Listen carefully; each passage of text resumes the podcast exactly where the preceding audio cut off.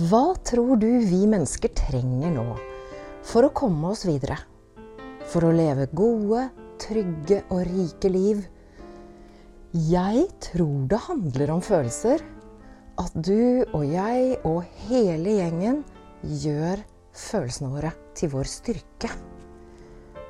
Jeg heter Katrine, og du hører på Oppdrift. Nyttår! Veldig Jeg håper at du har en myk At du kan tillate deg sjøl å ha en myk, god start på året. Midt i alt sammen. At du er ekstra god og tålmodig med deg sjøl nå i januar. For jeg kan komme med litt sånn januarforskning. og jeg sier det like mye til meg sjøl. Januarforskningen viser at dette er den måneden det er skikkelig lurt å begynne med noe nytt. Det er noe nytt som skjer. Det er et ritual, det her. Vi, vi, er Vi har et flunkende nytt år, har vi fått. Men og her bruker jeg et 'men' med vilje. Januar er også den måneden, viser det seg, hvor vi er aller strengest mot oss sjøl. Og det er derfor jeg begynner denne episoden med å, å invitere deg til Kan du være ekstra god og tålmodig med deg sjøl? Nå i januar. Og så vil jeg være det samme. Og så klarer vi det her sammen. Og jeg, har gleda meg veldig til å starte det året her. Og jeg starter med en litt sånn nyttårsspesial. For i denne episoden vil du få lite grann om det store temaet i år og det er kunstig intelligens. Altså hvordan den kan hjelpe oss. Og du vil få vite mye om din unike, menneskelige, gunstige intelligens. Og hva den kan gjøre for deg framover. Jeg gnikker meg i loffene. Jeg syns dette er så spennende. Og jeg, jeg, kjenner på meg at det er eh, Det skjer noe nå i år når det gjelder denne gunstige intelligensen. Og oppmerksomheten på hvor viktig det er med følelser. Å kunne ha eh, At du og jeg At vi har kunnskap om følelser. Og i episoden etter hvert så vil du få fire grunnleggende ferdigheter som vi kommer til å trenge framover. Og hensikten er at du kan hoppe som en delfin i arbeidslivet. Du kommer til å hoppe som en delfin med disse grunnleggende ferdighetene mot det eh, livet som du måtte ønske deg. Og det gjelder ikke bare deg. Det gjelder ikke minst ungene våre barna våre på skolen og etter hvert når de skal studere og ut i arbeidslivet. Uh, grunnleggende ferdigheter. Men aller først Vi begynner med hva er gunstig intelligens? Og da har jeg lyst til å starte med en liten historie. For da jeg vokste opp i Åsgårdstrand på 1970-tallet da var det ganske vanlig å omtale hverandre eh, på den måten her. Altså, han er jo ikke den skarpeste kniven i skuffen. Har du hørt det uttrykket? Så lenge jeg kan huske, så har det vært aller viktigst å være en skarp kniv. Være smart. Være intelligent. Og jeg husker at på skolen så ble vi eh, ungene stort sett belønna for å være smarte. Ikke snille. Og som etter hvert, da, som økonom og som journalist Nå forteller jeg min opplevelse. Jeg er veldig nysgjerrig på hvordan det lander hos deg. Som journalist for meg så var det en hedersbetegnelse å høre at jeg hadde en skarp penn. Det var om å gjøre å ha sterke meninger, skarpe analyser, harde fakta. Men etter hvert som jeg skjønte hvor usikker jeg var, og hvor redd jeg var, så har jeg begynt å tenke på hva er det som skjer i et samfunn der vi mennesker går rundt som sånne gjenger av skarpe kniver. Altså, det høres jo ganske skummelt ut. Og det er skummelt. Mange av oss er mye reddere enn det vi ønsker å, være, eh, ønsker å innrømme. Altså også vi som er voksne. Hvis du noen gang har lagt ut en mening eller en artikkel på Facebook eller i sosiale medier, og så opplever du at du får ikke noen sånne likes Ingen. Det har jeg. Og da tar jeg den bort. Det er en så guffen følelse. Bare en sånn liten følelse. Det er skummelt å øh, være menneske. Og ungene våre er også redde. Noen barn har vi lært øh, nå gjennom høsten er så fortvila at de unngår steder der skarpe kniver er idealet sånn som fortsatt på skolen. Og det er mange av ungene våre som rett og slett ikke våger å gå på skolen. Og det gjelder lærere. Det har vi også skjønt i løpet av høsten. Så hva om vi flytta fokus fra skarpe kniver? Hva om vi utvikler den Altså, hva om vi trenger en skje? vi trenger jo ikke bare skarpe kniver. Altså, hva om vi hva om vi utvikler den romsligste eh, Den romsligste øsa i, i suppa? Eller altså, hva om vi utvikla den mykeste puta i sofaen? Vi trenger jo romslige sleiver, vi trenger myke puter. Og jeg tror nå at vi trenger flere myke puter og romslige sleiver enn skarpe kniver. Det er bare min og jeg, jeg, vet ikke hvordan det er hos deg, men jeg inviterer deg til å romstere litt med det. Og, og hva mener jeg med romslige sleiver og myke puter? Altså, det er mennesker som deg og som meg, som evner å skape trygghet for andre. Som lytter, og som lærer. Som kanskje er mer opptatt av å gjøre det rette enn å få rett. For jeg lurer jo på hva slags ferdigheter og evner som vi trenger nå for å løse de store samfunnsproblemene våre.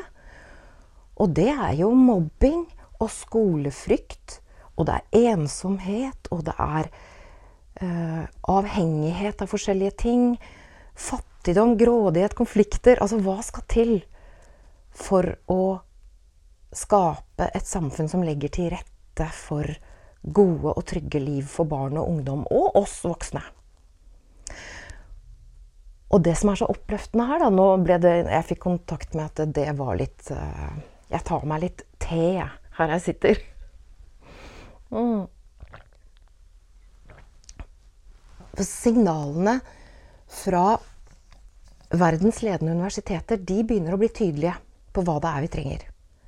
Og hvis du har hengt med her i Oppdrift en stund, så har du sannsynligvis hørt det jeg kommer til å si nå, før.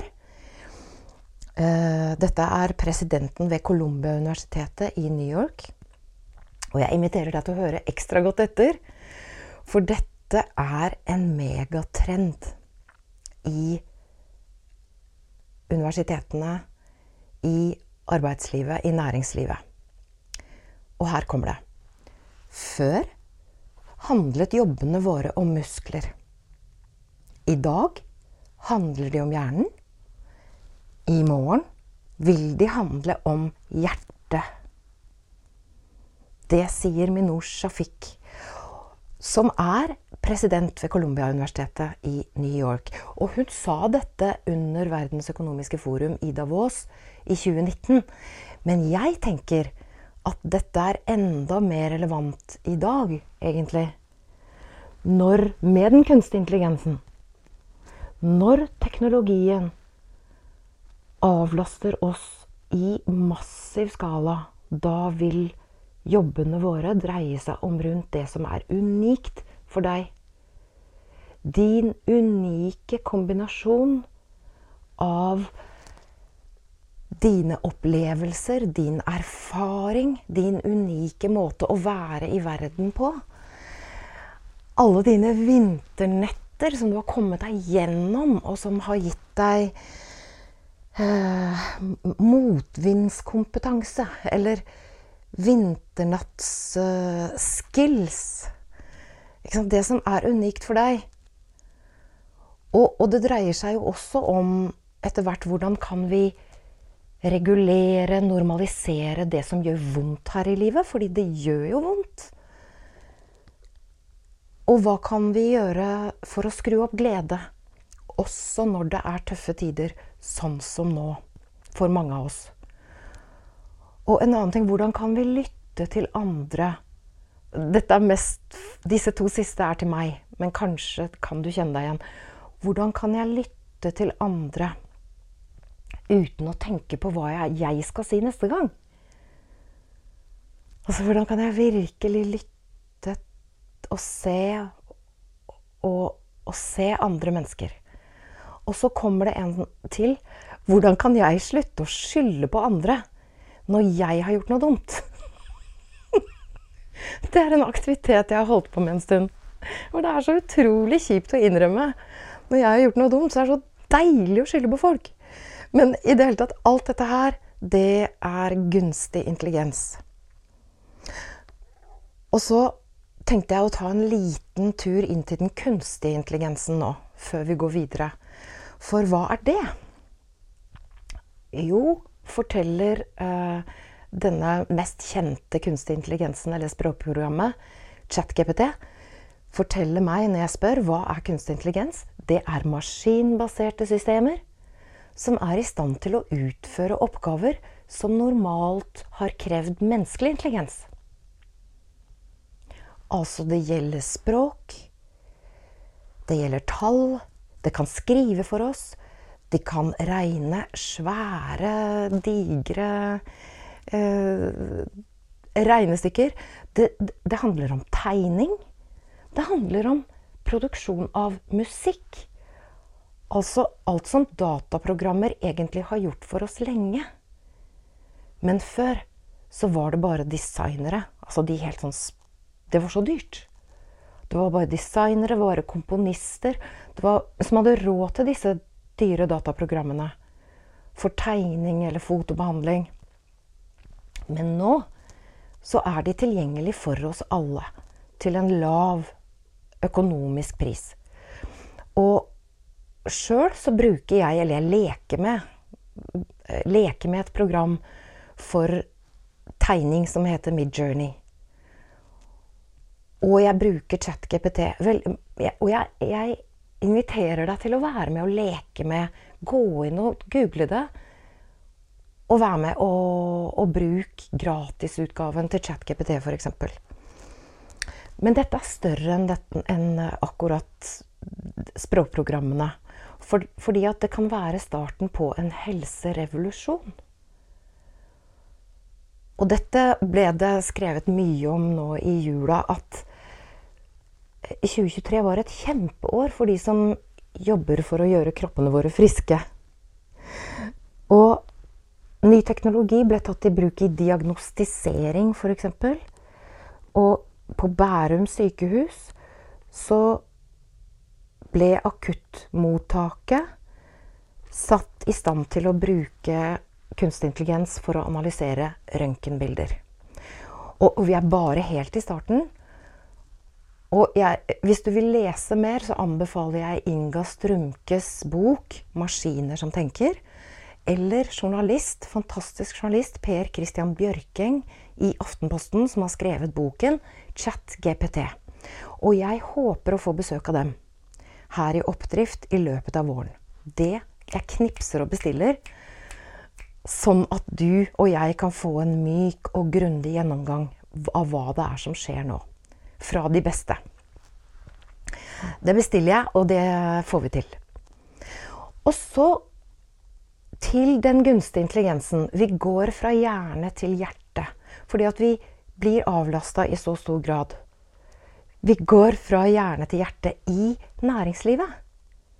Hva innebærer det?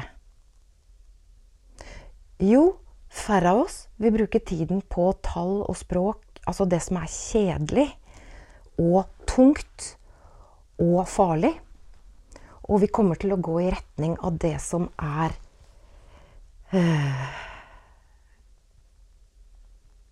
jeg, Jeg skal ikke si hva det er. Jeg, jeg vil heller komme med, en, med, et eksempel med en historie. For jeg har jobba i mange, flere år nå med noen inkassobyråer. Og det er jo kanskje ikke den koseligste bransjen i verden. Men inkassobransjen begynner å bli en av de mest spennende øh, bransjene på vei fra hjerne til hjerte. Fordi før så handla jo inkassobransjen om Hvis du ikke betalte regningene dine, så kom det noen med balltre på døra di.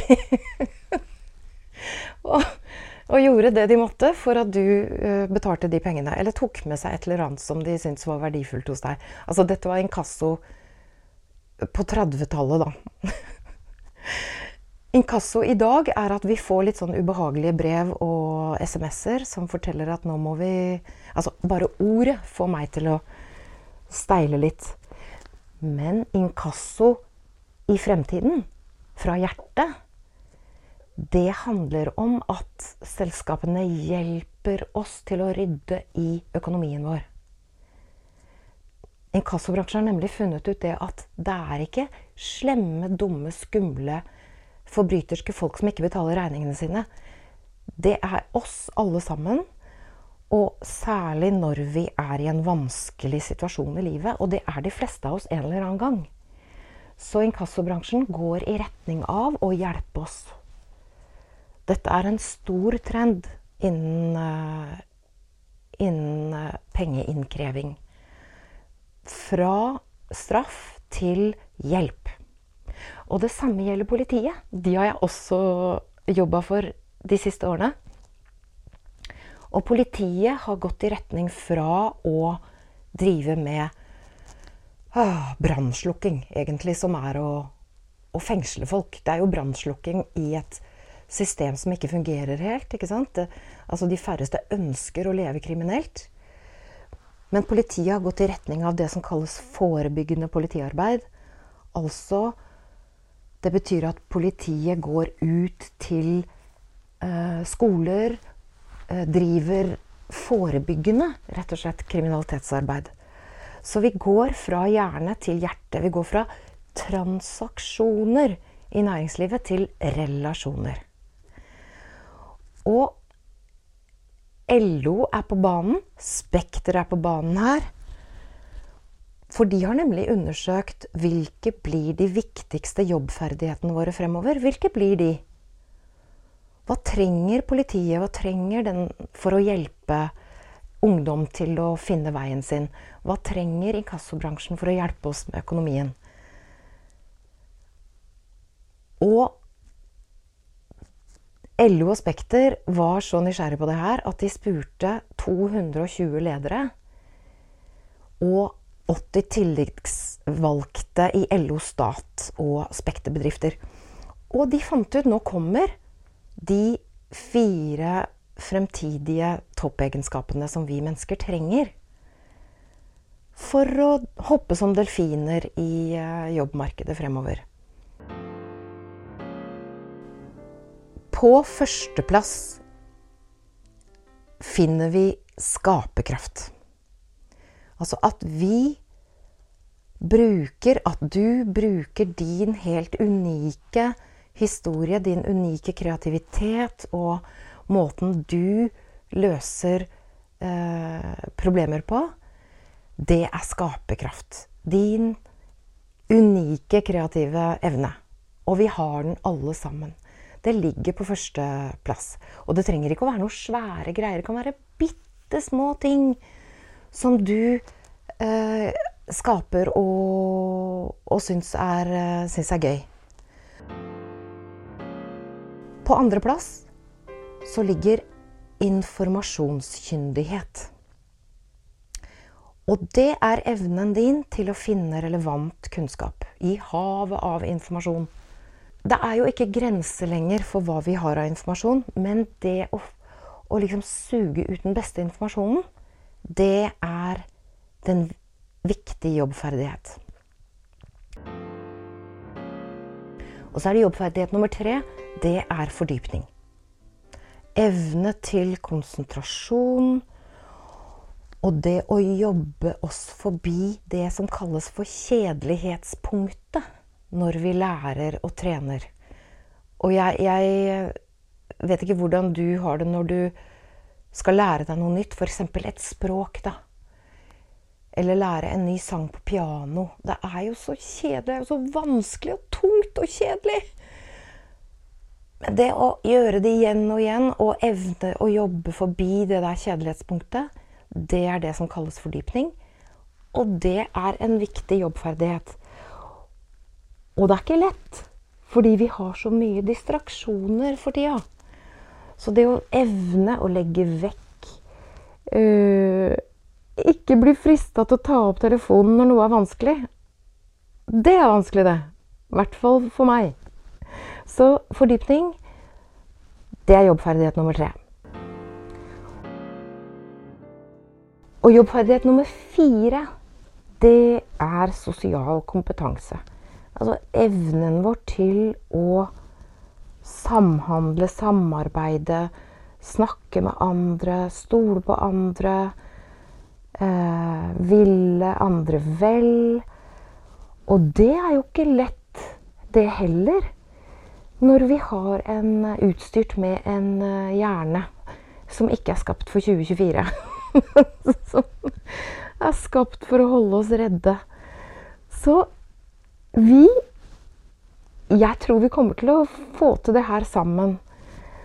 Men det er altså disse fire jobbferdighetene. Skaperkraft, informasjonskyndighet, fordypning og sosial kompetanse.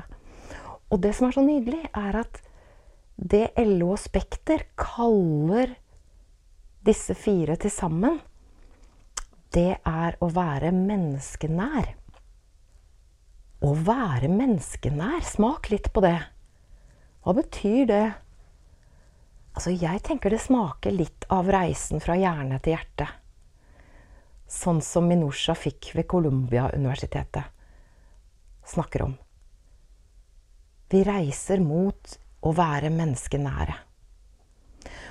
Og det betyr jo at mye av det som vi lenge har ansett som banalt, da, som uh, følelser, relasjoner, det vil bli blant de viktigste ferdighetene våre framover. Og jeg er jo så nysgjerrig på hvordan dette lander hos deg, det jeg snakker om her. Og eksempel, da. Tenk deg at du kommer inn i et møterom på jobben. Og så ser du hvem som sitter der. Og så kjenner du med en gang på en sånn usikkerhet. Du kjenner at pusten går litt fortere, du kjenner at hjertet banker. Du gruer deg til det møtet. Og dette her, det er det dyreste vi har i arbeidslivet. Denne psykologiske utryggheten, det er det dyreste vi har i bedriftene våre. Når vi er redde for hverandre, når vi ikke stoler på hverandre, så kan, tør vi heller ikke å være menneskenære. Og det er en forsker eh, på Norges handelshøyskole i Bergen. Norges handelshøyskole i Bergen. Jeg blir så glad av å snakke bergensk, så det gjør jeg, altså. Det er en forsker, eh, og så vanskelig er det òg, som heter Bård Fyn. Bård Fyn, tror jeg det heter på bergensk. Han forsker på psykologisk trygghet. Og, og her kommer det, det, det med trygghet. Jeg kjenner jo at jeg er nervøs når jeg leser inn det her, eller når jeg snakker her. Fordi at det, det, er, det kjennes skummelt ut å lage en podkast. Men sånn at jeg, jeg, får kontakt med min egen frykt. Altså frykten for at det jeg gjør, er for dårlig. Frykten for å kjede deg. Frykten for Jeg vet ikke om du kjenner deg igjen, men trygghet Det å være klar over den frykten og gjøre den til noe helt vanlig. Det er ikke rart at vi er redde.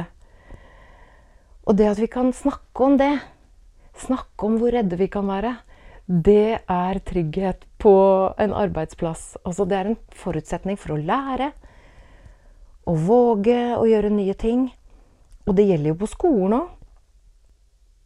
Men så er det jo det at vi er ikke skapt for trygghet. Vi er skapt for å overleve. Men vi finner ut av dette her sånn, vet du. Fordi at det, trygghet kan jo utvikles. Og evnen til glede kan utvikles. Og motet og omtanken. Og det er derfor jeg våger å si psykologien er jo på god vei inn i skolen.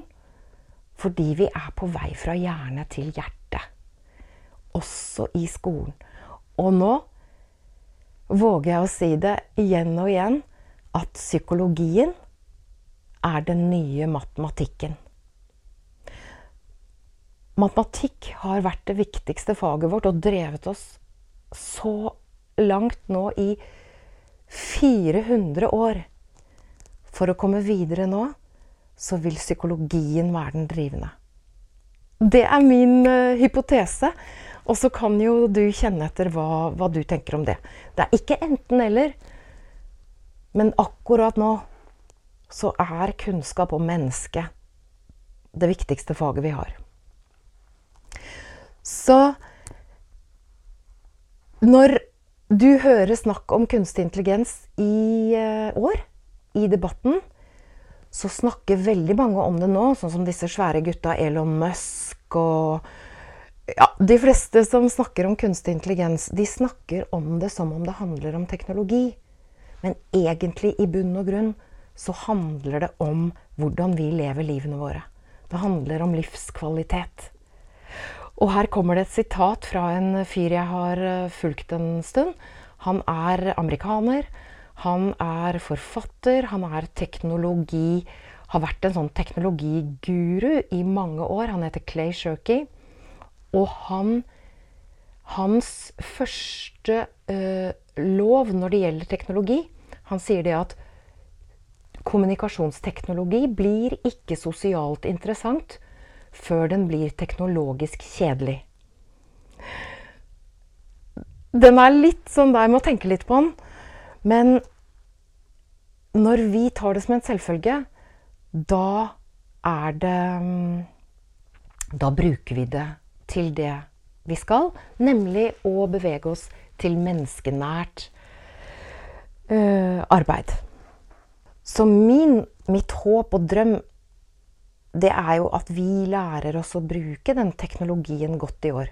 Kunstig intelligens. Sånn at vi setter i gang en skikkelig reise fra hjerne til hjerte. Setter i gang en global menneskelig oppvarming. Sånn at ungene våre gleder seg til å gå på skolen. Så kanskje la oss sammen gjøre dette året da, til et sted der vi utvikler vår gunstige intelligens. Og da trenger vi alt vi har av romslige øser og myke puter og skarpe kniver. Vi trenger deg, vi trenger meg, vi trenger oss alle sammen. Tusen, tusen takk for at du har vært med meg. At du bruker din dyrebare tid på å være sammen med meg her i Oppdrift. Du aner ikke hvor glad jeg blir for å, å vite at du er der. Og vi kommer til å fortsette samtalen, vi, om gunstig intelligens og om kunstig intelligens utover våren og utover vinteren. Og vi kommer til å fortsette samtalen som vanlig i den lukkede gruppen vår på Facebook som heter Emosjonell styrketrening. Og jeg håper at du får deg gode dager, og at du kan være god og tålmodig med deg sjøl. Jeg gjentar det igjen. Vi trenger deg. Verden trenger deg, og det bare du kan bidra med. Og den gunstige intelligensen din. Vi høres.